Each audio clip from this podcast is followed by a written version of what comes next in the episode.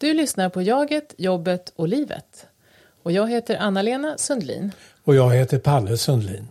Och vi är båda psykologer och har arbetat under många år med utveckling av organisationer och framförallt människorna i organisationer. Jobbet är en stor del av livet för de flesta av oss, men inte hela livet. Så i den här podden kommer vi att röra oss ganska fritt mellan det inre livet, arbetslivet och livet i stort. Hur hänger det ihop? Och hur hittar vi balansen? Välkommen att lyssna!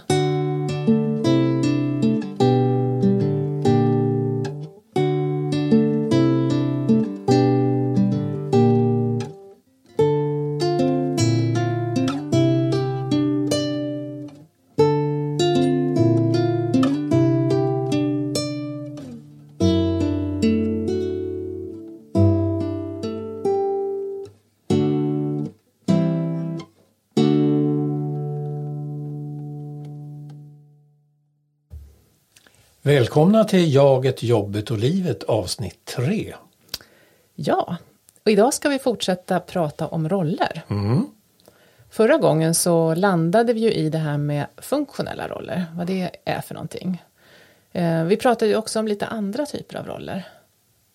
Mm. Invanda roller. Gamla syskonroller till exempel. Som man kan sitta fast i. Stereotypa roller. Tydligast är väl gamla könsroller. Som en del av oss fortfarande kan sitta fast i av och till. Och vad var det vi menade då, då med funktionella roller? Ska vi sätta oss på banan med det igen? Ja. Eh, mitt favoritexempel på det, det är en symfoniorkester. Eh, och eh, nästa gång, kära lyssnare, när ni ser en symfoniorkester framför er på en konsert eller i tv, så kommer ni upptäcka att eh, musikerna sitter ju naturligtvis på olika platser. Eh, och eh, fiolerna sitter längst fram. Eh, längst bak kan man se att blåset sitter, alltså trombonerna och trumpeterna, även slagverken är längst bak. Och det här är placeringar som kommer från den tid då det inte fanns några mikrofoner. Och det handlar om att få en så optimal och bra ljudbalans som möjligt mellan de olika instrumenten. Mm. Och det är liksom inga musiker i en symfoniorkester ifrågasätter de här placeringarna för man vet vad det står för och vad det beror på. Skulle blåset sätta sig längst fram och ösa på och öppna spjällen så att säga, då skulle vi inte höra någonting annat än blåsen. Så att det är väldigt funktionella placeringar. Och som sagt, musikerna är medvetna om det, de förstår varför och så vidare. Och så vidare. Och det gör också att eh, var och en tar sin funktionella roll, sätter sig på den plats där man brukar sitta. Och sen handlar det mycket annat också om att följa dirigentens eh, anvisningar, allt vad det kan vara. Ja, Ja. för, ja för, eller hur? För man kan ju tänka sig att, att om man skulle vara det vi pratade om förra gången då, det här självcentrerad och upptagen Ja, ja. med att tappa helheten då man kanske får feeling då och känner för att, att göra, lägga ett solo av något slag.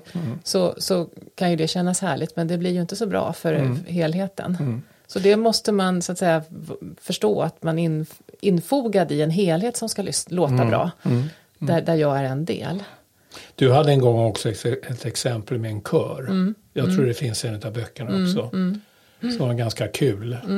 Ja. Hur var det då? Ja, men det är lite grann på samma, samma mm, tema ju. Att, att det, det är viktigt om man har en väldigt stark och, och kraftfull röst. Så, så kan ju det vara om, om jag sjunger eh, någon julsång, eh, solo och, och, Helga natt till Yes. exempel.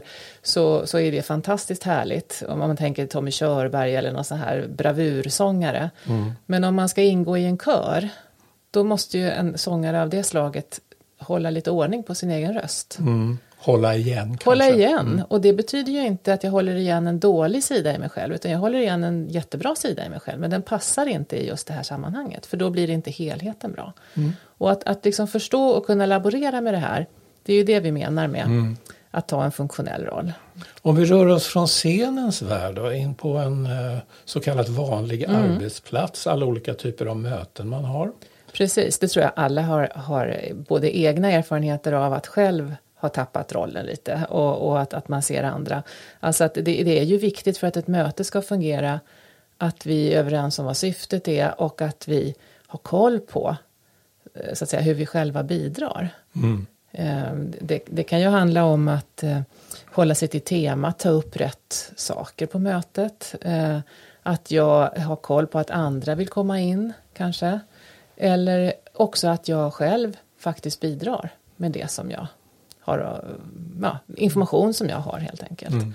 Att, jag, ja, att jag inte sköter ett samtal via sms parallellt med någon mm. utanför mötet. Mm. är också en sån där, kan ju mm. uppstå enorm irritation mm. kring sånt. Mm. Alltså där blir det jättetydligt vad, vad, varför det är viktigt och bra med funktionella roller. Och också är vi ju redan inne på det här som vi tänkte prata mer om idag. Mm, alltså mm. vad blir det för konsekvenser när vi tappar rollen? Mm, mm. och där finns det ju både mer dramatiska exempel på det mm. och mycket mindre dramatiska som vi alla är med om mm. dagligen egentligen, alltså i, i små, på, på, på, små sätt. Men eh, om vi börjar med det här där det syns så himla tydligt så kan vi börja med de mer allvarliga fallen av eh, tappade roller. Vad, hur kan det se ut? Vad har vi för exempel? Ja, vi ser både inom politiken, affärslivet, kulturlivet och så vidare så uppstår ju ibland skandaler. Mm. Och det handlar ju många gånger om till exempel övergrepp, mm. eh, direkt sexuella övergrepp, korruption. Mm. Eh, där, vad ska vi säga, de etiska aspekterna utav ens roll eh, och gränserna för eh, vad man får och inte får göra, det börjar glida mm. Eh, av olika orsaker. Mm. Och eh, det blir ju stora tidningsrubriker, det blir eh, inslag på tv-nyheten mm. och så vidare. Och egentligen, även om de inte säger det sådär uttryckligen, så är det många, många gånger just så att människor på, inte minst nyckelpositioner, helt har tappat sin mm. roll mm. eller tappat den liksom i väldigt väsentliga mm. avseenden. Oerhört flagranta exempel kommer ju från kyrkans värld. Tyvärr. Mm. Där eh, själasörjare, ungdomsledare och allt vad det kan vara eh, faktiskt har begått sexuella övergrepp mot unga människor. Mm. Eh, när deras roll är att skapa trygghet, mm. tillit, mm. förtroende för vuxenvärlden, att beskydda dem och så mm. vidare. Mm. Man gör precis tvärtom och gör dem skador för livet. Och det är ju förfärligt. Mm. Och då kan man verkligen prata om att jag vet inte vad, vad man ska finna för ord för det, men rollen är helt utkastad någonstans. Och, och på lite på samma spår kan man ju se, det har ju varit en del sådana här eh, uppmärksammade fall där människor, alltså jag tänker det har, har att göra med att man i sin roll ska, på något sätt ska skydda eller värna eller finnas till för människor som, som har eh, en utsatt position. Mm. Eh, som ofta dyker upp i, i kyrkliga sammanhang förstås. Men jag tänker också på eh, personlig assistans och olika särskilda boenden för personer med olika funktionsvariationer. Mm. Där har det, dyker det ju med jämna mellanrum upp också eh, exempel på att, att medarbetare har tappat kollen, mm. tappat rollen. Mm. Och, och, i frustration antagligen över att man inte riktigt hittar ett sätt att jobba så har man bundit fast brukare vid, vid sin stol och, och man har lämnat mm. dem och man har låst in dem och man, och man, har gjort en massa saker som utifrån sett är helt obegripligt. Mm. Men det, ja, av något skäl så har man drivits till en punkt där man tappar sin roll. Mm. Ja, vi får inte glömma metoo heller. Nej. Hela den, allt som uppdagades där går ju att kvala in under tappade roller. Mm, mm. Ja, alltså allt ifrån hur restaurangchefer har betett sig mot sina medarbetare till hela historien runt Harvey Weinstein med allt vad det innebär. Eh, kan man ju se som olika grader av exempel på hur personer i väsentliga avseenden har tappat sin roll eller inte tar den funktionella roll som man ska göra. Och att det har fått väldiga konsekvenser. Det sorgliga är ju att i alla fall en del av de här vad ska man säga, förövarna har inte uppfattat det som att de har tappat någon roll. Nej. Utan de har nog tyckt många att det här mm. är en rättighet mm. jag har i min roll. Ja. Där, och, ja. och då kan man ju säga att det är utifrån en gammal stereotyp, då är vi där igen, en gammal ja. stereotyp föreställning om mm. vad, hur män kan bete sig mot kvinnor. Mm. Mm. Eh, som är, ja, ja. det finns mycket att säga om det. Men ja. jag tror vi, vi kan gå vidare till andra exempel. Mm. Mm. Du ser att jag sitter och skäms här. Jag har inte gjort något. Du skäms för... för Jag skäm, skäms för det manliga släktet. Ja, Men om du pratar på en liten stund ska jag sitta här och hämta mig.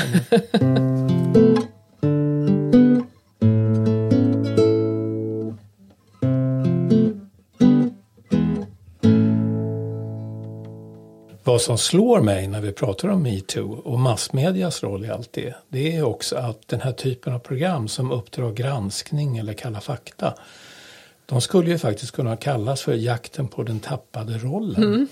Eh, Just det. Det, det, det är intressant när man ibland har suttit och tittat på de programmet att, att det är ju faktiskt just människor som, som har förlorat sin, sin funktion ur sikte. Precis. Jag tänker på ett, ett program som där, där det var någon delegation från en kommun, både politiker och tjänstemän, som hade åkt ner till någon mässa på Rivieran. Och klippt och klistrat en massa kvitto. Eh, Det hade de kanske inte gjort, det var någon annan som klippte och klistrade. Men de hade, hade eh, spenderat pengar, framkom sen, eh, på kläder och, och mycket drycker och, och allt möjligt sånt. Som också, igen, man sitter med tappad haka och undrar Ja. hur i hela friden tänkte ni? Ja. Men ja, det är någonting som händer som gör att roll, den funktionella rollen och ens, ens, vad man gör med skattepengar och så vidare, hur den större helheten ser ut, seglar iväg. Och, och så börjar man utgå från sig själv. Och vi var inne på det förra avsnittet också apropå coronapandemin och restriktioner och sådär. Och både politiker och högt uppsatta tjänstemän. Där man just sitter och tänker, men vänta nu, hur, hur gick det här till? Eh, Men det är klart, de är också människor, man gör de här eh, övervägandena inom sig själv och kan bli väldigt personstyrd, väldigt självcentrerad kring att, att eh, det här gäller andra men just jag i det här sammanhanget och så vidare. Jag har behov av det här eller jag måste få göra det här. Ja, och där tänker jag att det, det verkar bli någon sorts kollektivt tappande av roll, där normerna eh, luckras upp i gru- den grupp där man ingår. Alltså de här som åkte då till Rivieran. Alltså de, Där tänker man väl att ja, men vi gör så här, gör, kan de så kan jag. Och, och på något vis så, så, så tappar man kollen på helheten tillsammans. Nu vet jag inte riktigt om det var Rivieran de åkte till. Jo, det var det, det. var poli- Ja. det var den, förra, Ja, den ja. gamla historien där. Just det, jag var inne på pandemin. Mm. Okej. Nej, det här har varit Kanarieöarna och Mallorca och lite grann sånt där. Mm. Ja, ja men så det, vi kan, skulle kunna sitta och, och räkna upp mängder med sådana här väldigt allvarliga fall. Mm. Mm. Eh, så att det, det kan man ju faktiskt fundera på när man hör om de här fallen som, som dyker upp med jämna mellanrum. Alltså vad, vad, är det, vad, har, alltså, vad är det för roll de har klivit in i? Alltså vad har de tappat för roll och vad, vad har de hamnat någonstans? Ehm, sen är det ju viktigt att säga att det här blir så, blir så tydligt här men oftast så är det ju mindre dramatiskt och Just det. det händer oss alla. För I det, vardagslivet, arbetslivet. Ja. Och just när det händer en själv så är det ju lite svårare att upptäcka kanske. Vi har många förklaringar till varför vi gör saker och ting. Som, som in, och där ingår inte att vi har tappat rollen utan det finns mycket andra ursäkter och förklaringar vi kan ha. Visst. Ofta lättare att se som vanligt då, på andra Mm. när de tappar rollen. Nej, men man kan också, apropå vardagslivet, eh, ibland så kan man i vissa sammanhang inta en, en alltför dominant roll Mm. som liksom inte mm, funkar. Ofta synligt på möten igen då igen. Alltså Ja, där är ett sånt tacksamt ja, ja, tillfälle att ja. se. Eller om man är väldigt överdominant i en diskussion med sin tonåring om spelregler för när man ska komma hem på kvällen en Mm. lördag till exempel. Att man kan, så att säga, och det, det funkar inte, Mm. som man kan säga då. Att man behöver inta en annan attityd. Mm. Eh, men man går på en gammal eh, man liksom tappar sin föräldraroll på ett sätt. Mm. Ja, ja, visst. Eh, om man har den typen av värderingar så att säga, i botten av att, att man ska försöka samtala och förstå varandra och så vidare. Ja, och på, där skulle, kan det ju bli att man blir tonåring själv. Ja, Eh, och, och liksom, precis som vi pratade om nyss då med, med de här som arbetar med funktionsvariationer. Att, att det kan bli att man är i någon sorts frustration över att inte når fram. Så tappar man den professionella rollen där. Och i det här fallet kan det bli att man tappar sin, sin vuxna föräldraroll. Mm. Lätt hänt. För 15 år sedan stod jag i våran hall här nere och var liksom en, en bräkig tonåring själv. Mm, mm. Eh, och det gick ju bra. Sådär gick det kan man säga. Sådär, ja, ja. ja. Men man minns en del av de här ja. situationerna. Det var det jag mm. ville komma in på. Mm. Man minns en del av sådana här situationer som man återigen kanske inte tänker på i de här termerna. Att mm. aj, aj, aj, där tappade jag rollen. Mm. Men vad som finns det är ändå en uh, ganska ofta en obehagskänsla mm, mm. eller så. Eller en sån här ångerkänsla mm. när man tänker tillbaka på vissa mm, saker. Där man med vårt språk just idag då, då har tappat sin roll. Mm. Och det kanske ofta triggas när man just har hamnat i det läget att man liksom blir för dominant eller för man blir tappar, det och blir mm. liksom arg och, och far mm. ut på ett sätt som inte är liksom riktigt det man hade tänkt. Mindre lätt kanske att, att se och förstå när, när det går åt andra hållet. Mm. Alltså för att man kan ju tappa sin roll genom att också sluta bidra. Mm. Sätta sig i baksätet. Ja, mm. alltså jättevanligt i arbetslivet. Eh, till exempel det här med arbetsplatsträffar. Mm. Där är ju syftet att man ska kunna prata om, om arbetsplatsen och, och ta upp saker och ting som man både idéer man har och, och sånt som man oroar sig över eller inte är nöjd med och vill förändra. Och när jag träffar människor på olika arbetsplatser är det här, tycker jag, nästan standard. Att man har svårt att få till de här arbetsplatsträffarna. Mm. Mm. Och det som är allra vanligast förekommande är att människor är tysta. Att man vet att det pratas en massa. Det mm. pratas mm. i fikarum och det pratas i korridorer och det pratas på enskilda rum. Så. Men när man kommer till det här forumet och arbetsplatsträff, då är det tyst. Mm. Vilket gör att man inte kan, kan ta tag i de här sakerna. Och då kan man ju säga att man tappar sin medarbetarroll, mötesdeltagarroll mm. på det här arbetsplatsträffen och då förfelas ju syftet. Inte så sällan sätter då den som leder mötet igång och pratar som en kvarn lite stressat och så blir mm. det liksom en, en envägskommunikation från chefen vilket ingen är nöjd med. Mm. Så att det, det, där tänker jag är en otroligt viktig del, alltså att, att passivitet, stumhet, sitta och vänta mm. är ofta eh, ett te tecken på att man faktiskt inte tar sin roll eller mm. har tappat den. Mm.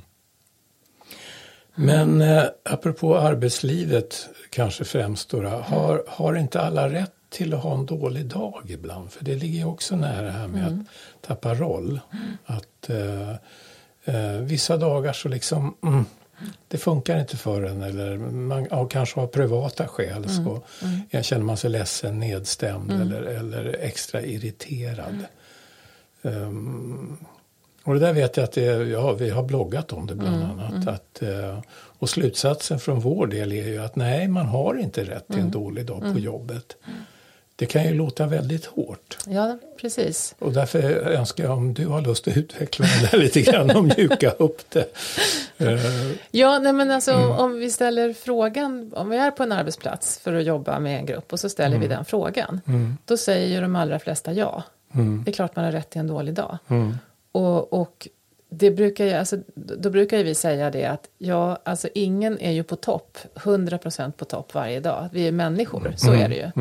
Men det är olika i vilken grad som det är möjligt att så att säga eh, leva ut sitt, sin dåliga dag. Mm. Och det beror ju på vilket sammanhang som man är i.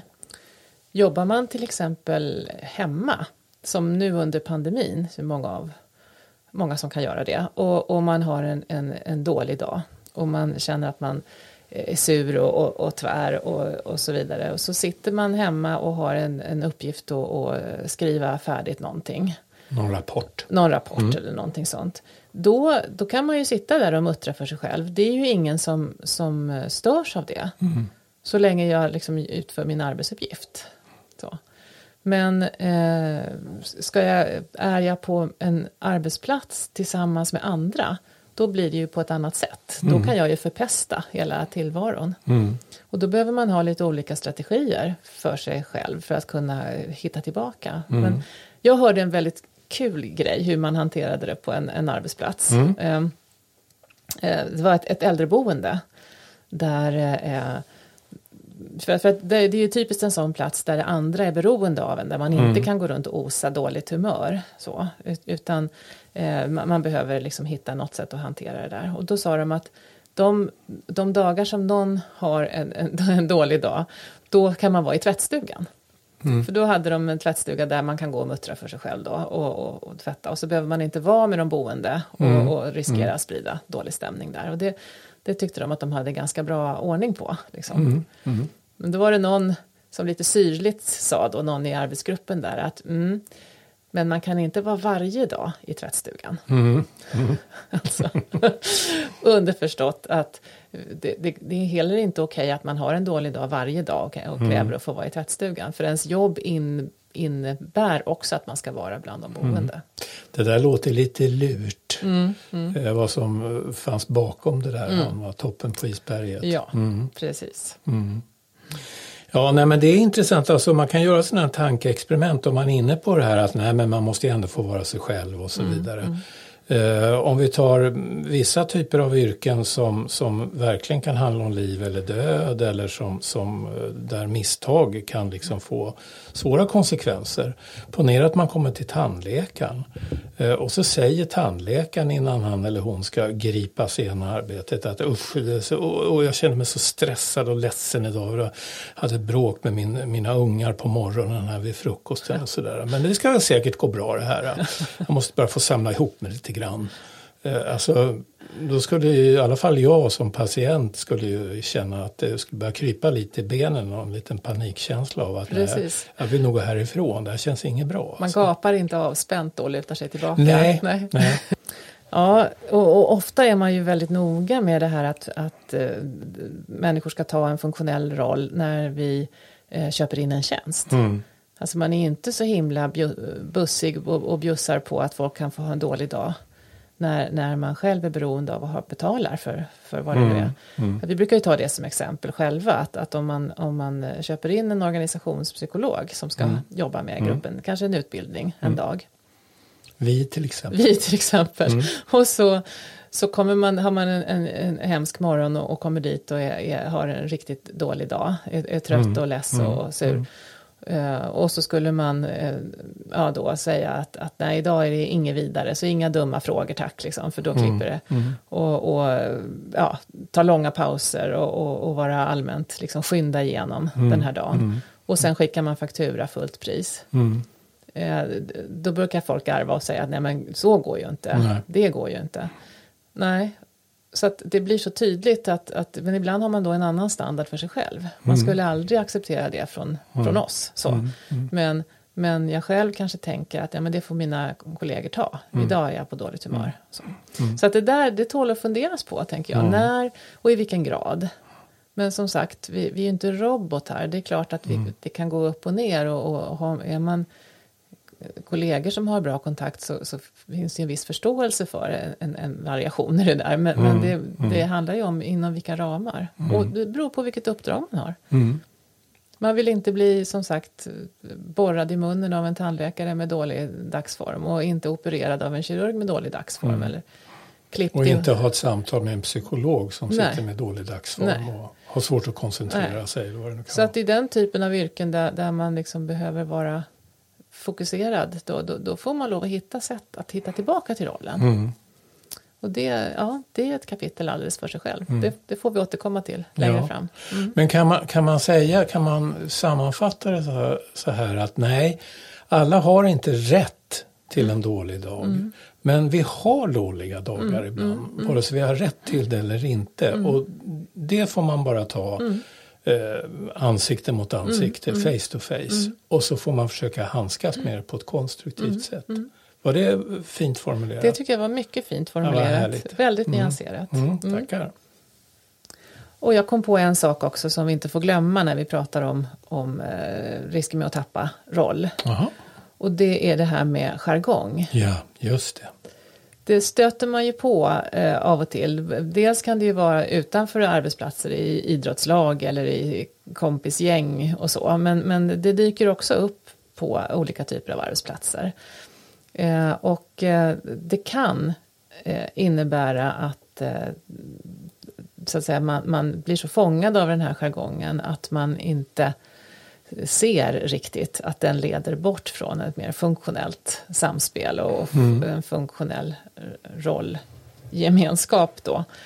Eh, för, för det här när man, när man eh, har en viss jargong, det är ju ofta, inte så sällan då så är det ju på arbetsplatser som är utsatta på olika sätt. Alltså mm. man jobbar på en akutmottagning eller man jobbar i, i räddningstjänst eller någonting sånt. Då kan man ju liksom kanske ha en, en lite skruvad jargong för att hantera olika mm. utmanande mm. saker man är, man är med om. Eh, så. Och, och det är ju en, en överlevnads, en copingstrategi. Mm. Så. Men, men den här jargongen eh, kan också börja leva sitt eget liv. Och eh, få den här funktionen att den är, inkluderar vissa eh, och exkluderar andra. Och ofta så då man, när man själv är, inkluderad så tänker man inte, man tycker det här är lite härligt och roligt mm. med en viss mm. jargong. Mm. Men, men är man inte med i det snacket så, så kan det ju få väldiga konsekvenser för att man, man blir utanför eh, och osynliggjord mm. och så vidare. Eh, dessutom kan ju en, en jargong som bär iväg för långt och göra att man till sist inte det, det skojas bort eller alltså allvarliga saker som man behöver prata om blir inte möjligt att prata om för att man har hela tiden eh, en kommentar som är av jargongslag då som, som liksom gör att man kommer aldrig dit. Och då, då tappar man ju den aspekten av, av rollen som man faktiskt verkligen behöver mm. ha med sig. Det blir som att man kan liksom smita in i jargongen. Ja. Det blir en flyktväg. Ja, det börjar... Om det börjar bli för allvarsamt eller för hett liksom, ja, kring en konflikt visst. till exempel. Ja, eller bara att man vill prata allvarligt om någonting. Mm. För det, det ligger ju ofta i jargongens natur att den, är, den, den driver med saker eller det, den liksom lättar upp mm. grejer. Eh, och, och, det är viktigt att ha ett öga på det där. Mm. Mm. Alltså när är en, en jargong någonting kul och någonting som förenar oss. Eh, mm. Liksom gemensamma referenspunkter som man kan ha lite roligt åt. Mm. Mm. Och när börjar den leva ett eget liv och, ja. och drar den iväg ifrån roll, den mm. roll som man har faktiskt. Och det, det uppfattas ju ofta olika då som sagt och det är viktigt att, att, att förstå det där. Mm. Att den som inte tycker det är lika roligt kan också vara viktig att lyssna på. Mm.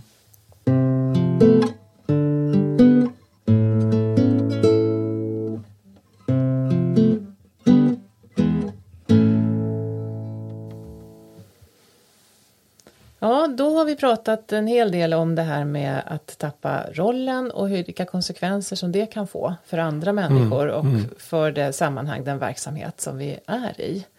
Eh, men det finns ju också en annan aspekt som har att göra med vårt inre liv. Ja, och det är ju helt enkelt när man börjar ta saker och ting alldeles för personligt. Mm. Eh, framförallt på arbetsplatsen, men även i en del andra sammanhang. Mm. Men om vi håller oss till arbetslivet ett tag. Så, så Eh, Eh, har man till exempel identifierat sig så starkt med sin yrkesroll eh, och den, den funktion man har på jobbet. Och man har inga svårigheter så att säga att, att eh, vara funktionell. Mm. Men man har investerat så mycket självkänsla och kanske trygghet och sådana grundläggande mänskliga behov i sin arbetsroll. Så att när det uppstår påfrestningar, omorganisationer mm. som gör att ens roll kommer att förändras, mm. ja, då tar man det väldigt personligt. Mm. Och det är ju någonting som man ytterst själv lider mest utav, mm. även om det också naturligtvis kan påverka omgivningen. Men det kan bli väldigt onödigt så att säga smärtsamt. Att mm. man, man känner sig personligen eh, utsatt mm. för någonting då mm. som, som egentligen har att göra med det vi pratade om i vårt första avsnitt. Alltså det här med att förändringar i samhället påverkar mm. organisationer som påverkar mm. arbetsuppgifter. Man ja. kanske behöver ändra sättet att jobba eller det som var relevant för fem år sedan är inte det mm. längre. Och har man då liksom investerat själ och hjärta i att det ska vara på ett visst sätt. Eller man har en viss metodik som man jobbar enligt. Mm. Så, som, som man sen behöver ändra. Och, mm. och, och, man är så sammansmält med det som du beskriver. Då, då blir det ju, gör det ont. Mm. Så, mm, så man ja. blir väldigt, det blir väldigt sårbart mm. på det sättet. Och återigen, det här är ju lättare att se hos andra mm. på ett sätt. Mm. Och, och, inte bara inom arbetslivet eh, utan också en del andra sammanhang. Mm. Mm. Så man, kan vi ju upptäcka hur svårt det blir att diskutera och resonera med en annan människa som just har tagit det sådär oerhört eh, personligt. Man når inte fram eller allt mycket av det man säger misstolkas. Mm, mm. Och ibland är vi själva likadana mm, och då är vi mm. också lika mm, blinda. Mm, eh, för att eh, oj, liksom vad jag är låst eller kidnappad av mig själv. Och inte minst mitt eget, mina egna känslor och reaktioner.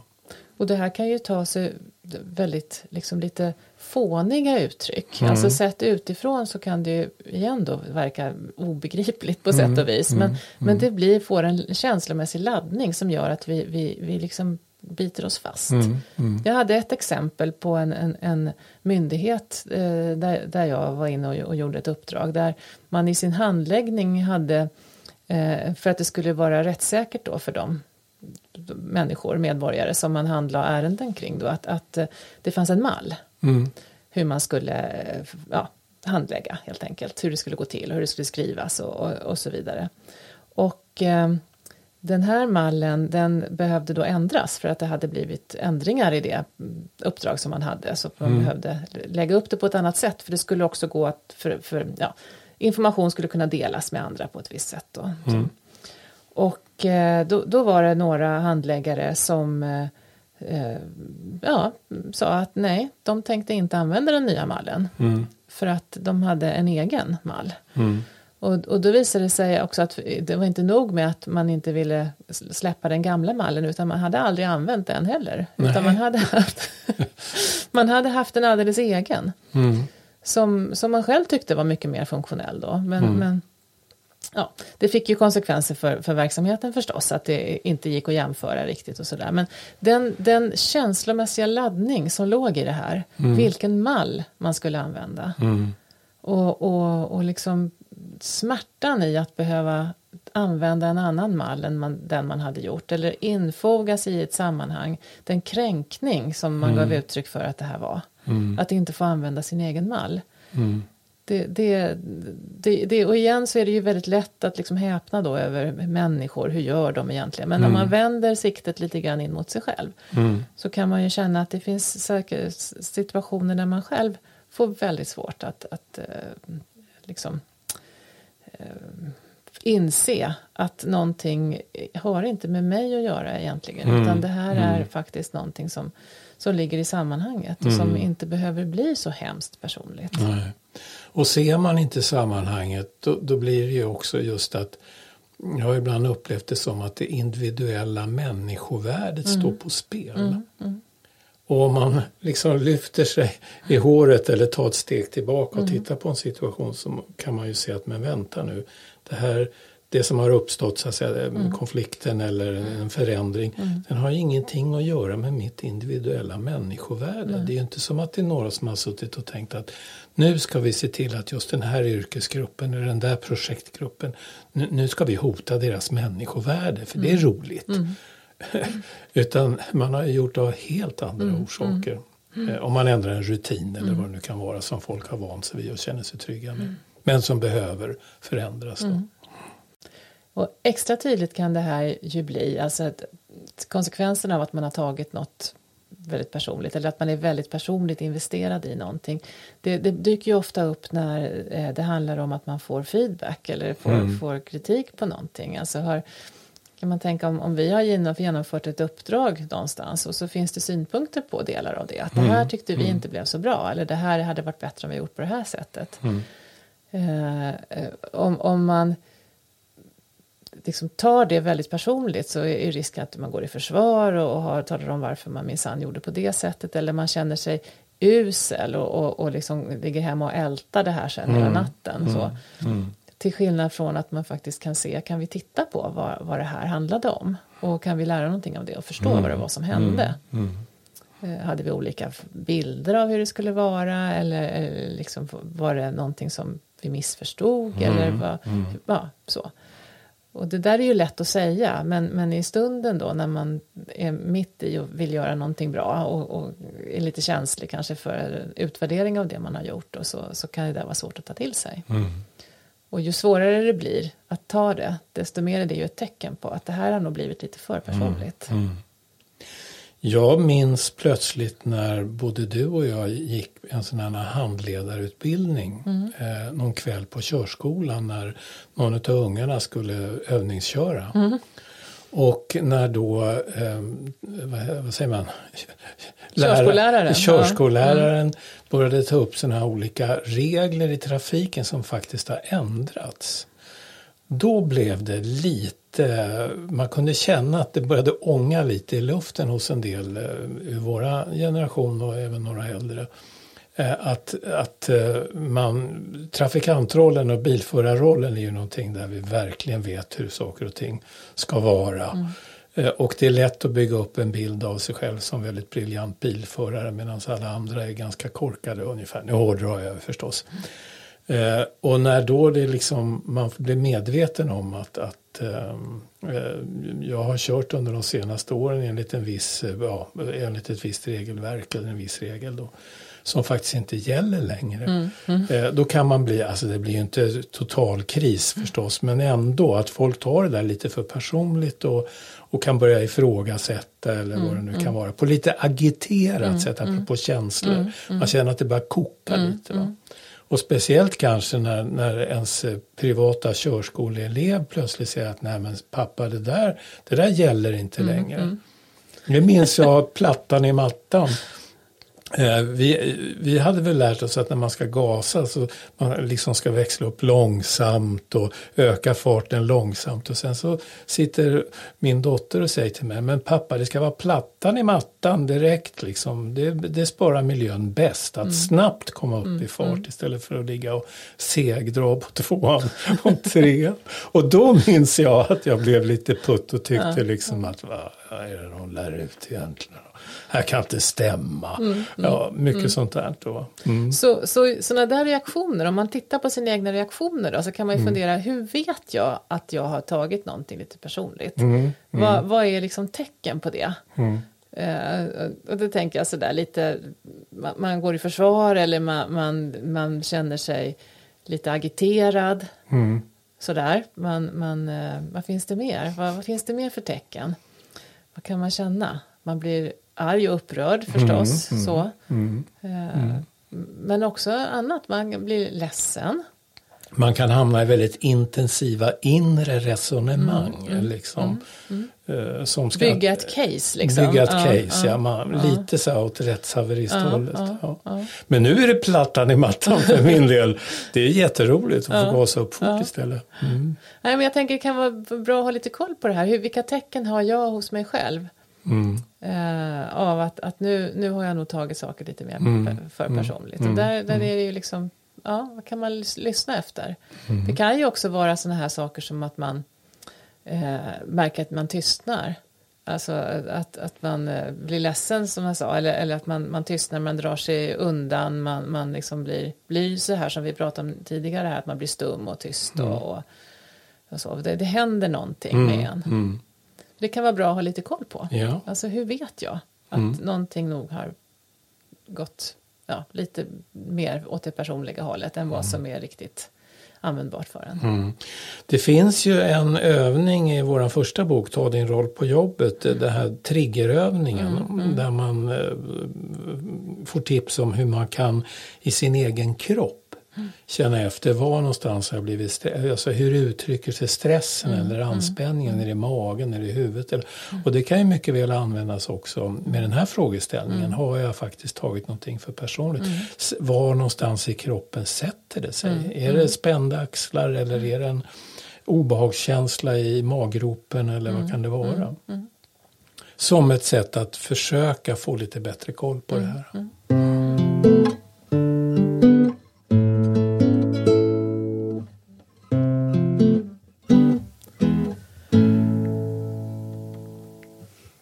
Då kan man ju fundera på det här vi har pratat om nu, att man tappar sin roll eller man tar saker allt för personligt. Om det har hänt, Eh, vad kan man då göra för att liksom lyckas ta sig tillbaka på banan igen? Mm. Eh, jag tänker innan man kan gå in på det så behöver vi avskilja de här dramatiska exemplen från det här. Mm. För det är ju situationer och sammanhang där skadan är så stor och så allvarlig så att det räcker inte med att man själv eller kanske med en arbetskamrat och liksom resonerar igenom någonting i en situation utan det ligger på mycket mer djupgående plan. Eh, och det gör att, att eh, många gånger att eh, personer har tvingats avgå och så vidare. Man kan inte vara kvar i rollen helt enkelt. Förtroendet är förbrukat. Mm. Och det kräver mycket mer omfattande åtgärder. Ja, så, än, än när det handlar om de här mer vardagliga situationerna. Ja. För där hamnar vi alla av och mm, till, mm, kanske mm. dagligdags. Mm, mm, både en och flera gånger. Eh, och då är det ju mindre dramatiskt naturligtvis.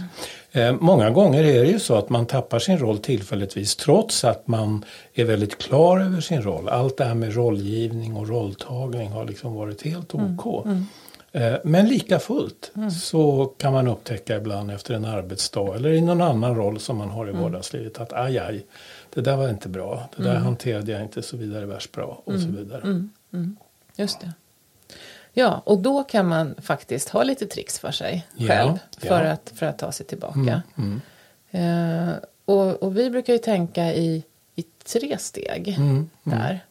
Och där det första då är att man skapar eh, ett tillstånd hos sig själv där man kan tänka. Mm. För att det som kännetecknar det som, när man har, har liksom glidit ur sin roll eller om man är uppfylld av att man har tagit någonting alltför mm. personligt. Och det mm. hänger ju ofta ihop då. Mm. Um, så är det ju att man, man tappar sin tankeförmåga. Man är känslor mm. bara och så mm. agerar man med ryggmärgen på mm. något vis. Och då, då kan det bli lite galet. Så det här, så det här eh, skapandet av ett, ett utrymme där man kan tänka, där man får lite distans och där man centrerar sig själv. Mm. Det kan man göra på lite olika sätt. Mm. En sak som jag brukar göra när jag är på väg att tappa min roll eller, eller helt tappat den. Eh, det är att jag gör en väldigt enkel andningsövning. Och det mm. kan ju låta lite flummigt kanske fortfarande för en del människor men det här med att ta kontakt med sin egen, egen andning och ta några djupa andetag det har ju människor gjort i tusentals år. Och eh, ofta så är det någonting som fungerar. Mm. Eh, att, vad du var inne på, att försätta sig ändå i tillstånd mm. där, där man kan tänka på ett mer resonabelt sätt. Just det. Eh, så det gör jag i olika sammanhang, även på fritiden och sådär. Om jag är ute och går med hunden och märker att jag är helt uppslukad av en massa jobbiga tankar och helt missar att det är vacker natur runt omkring. Att jag stannar upp, blundar, tar några djupa andetag och då får jag lite bättre kontakt med nuet. Va? Mm. Så att det där, och andningen har vi alltid med oss. Eh, var vi än är. Så att eh, det där är någonting som, mm. och det är inte bara jag, jag det är många människor som har upptäckt det här och gör det. Men, eh, mm. Ja, så det är en, mm. en, mm. en, en metod som mm. man kan använda. Ja, jag vet att jag har hört också om andra som för känner att man, man går ett varv. Mm. Med att det här just rörelsen när benen rör sig. Ja. Så, så händer ja. någonting av att man, man liksom får lite distans. Mm. Om man sitter mitt i någonting. Att mm. man, ja. Vad man nu gör, det kan, kan ju vara individuellt det där. Vad som oh, hjälper en att, att skapa den här lilla pers distansen, perspektivet. Att man landar i sig själv så att, mm. så att man kan tänka. Så det är liksom steg ett. Um, nästa steg då, det är ju att man försöker mentalt då orientera sig tillbaka till, alltså hur var det nu igen? I det här sammanhanget jag är i, vad är det syftet är, vad är det för mål som finns, vad, vad är det jag har för roll egentligen? Och ibland så kan man upptäcka då att det, det är ganska luddigt. Mm. Och då har man ju en liten ledtråd till varför det kan vara väldigt lätt att ta saker personligt eller tappa sin roll. Eh, och, och, i andra fall så kan man ha god nytta av att man liksom har en tydlighet som man kan falla tillbaka på och, och på något vis se att ja just det, just det, det är det där det handlar om. För att i steg tre sen då så är det ju också att försöka lära någonting av den här situationen. Inte bara skämmas eller försöka mm. stryka över den så snabbt som möjligt utan se, finns det någonting jag kan upptäcka här? Alltså, ibland så upptäcker man ju då att eh, det finns vissa signaler i sammanhanget eller i känslor i sig själv eller någonting som har hänt som föregår att man tappar sin roll eller att, att man tar saker väldigt personligt. Och, och får man lite kon på de där så, så kan man ta med sig det och ha det som en, som en lärdom till nästa gång. Att det kanske är, dyker sådana här situationer upp igen, då kan jag vara lite varse på att nu behöver jag vara extra noga på att hålla min roll. Mm. En slags eh, funktionell självkännedom Mm. skulle man kunna kalla det för. Mm. Precis. Så att för de av, av er som lyssnar som tycker det här verkar spännande med lite soul searching så kan man ju fundera över, ni kan fundera över situationer som ni har varit i och se om, om man tänker på det på det här sättet. Mm. Vad händer då? Eller om det dyker upp en situation att pröva och se. Vad, Kan jag lära mig någonting av det här? En del av de här sakerna kanske vi kommer att komma in på igen nästa gång. Mm. Men då i lite annorlunda, eh, på ett lite annorlunda sätt. Och det är två gäster från på ytan väldigt eh, olika verkligheter. Som vi skulle vilja prata med om roller. Och hur de förhåller sig till det här med roller. Och det ena, den ena gästen heter Sara Andersson och är eh, avdelningschef för organisationsutveckling inom Svenska kraftnät. Och den andra är Mikael Åkerfeldt som är musiker, låtskrivare och sångare i rockbandet Opeth. Så det blir spännande att se vad de har att säga. spännande. Mm. Ja. Ha, är det dags för en avslutningssignatur och på återhörande? Yes. Ja. Mm. Ha det så gott ni som har lyssnat. Ja. Mm. Vi hörs igen. Ja, hej då. Hej hej.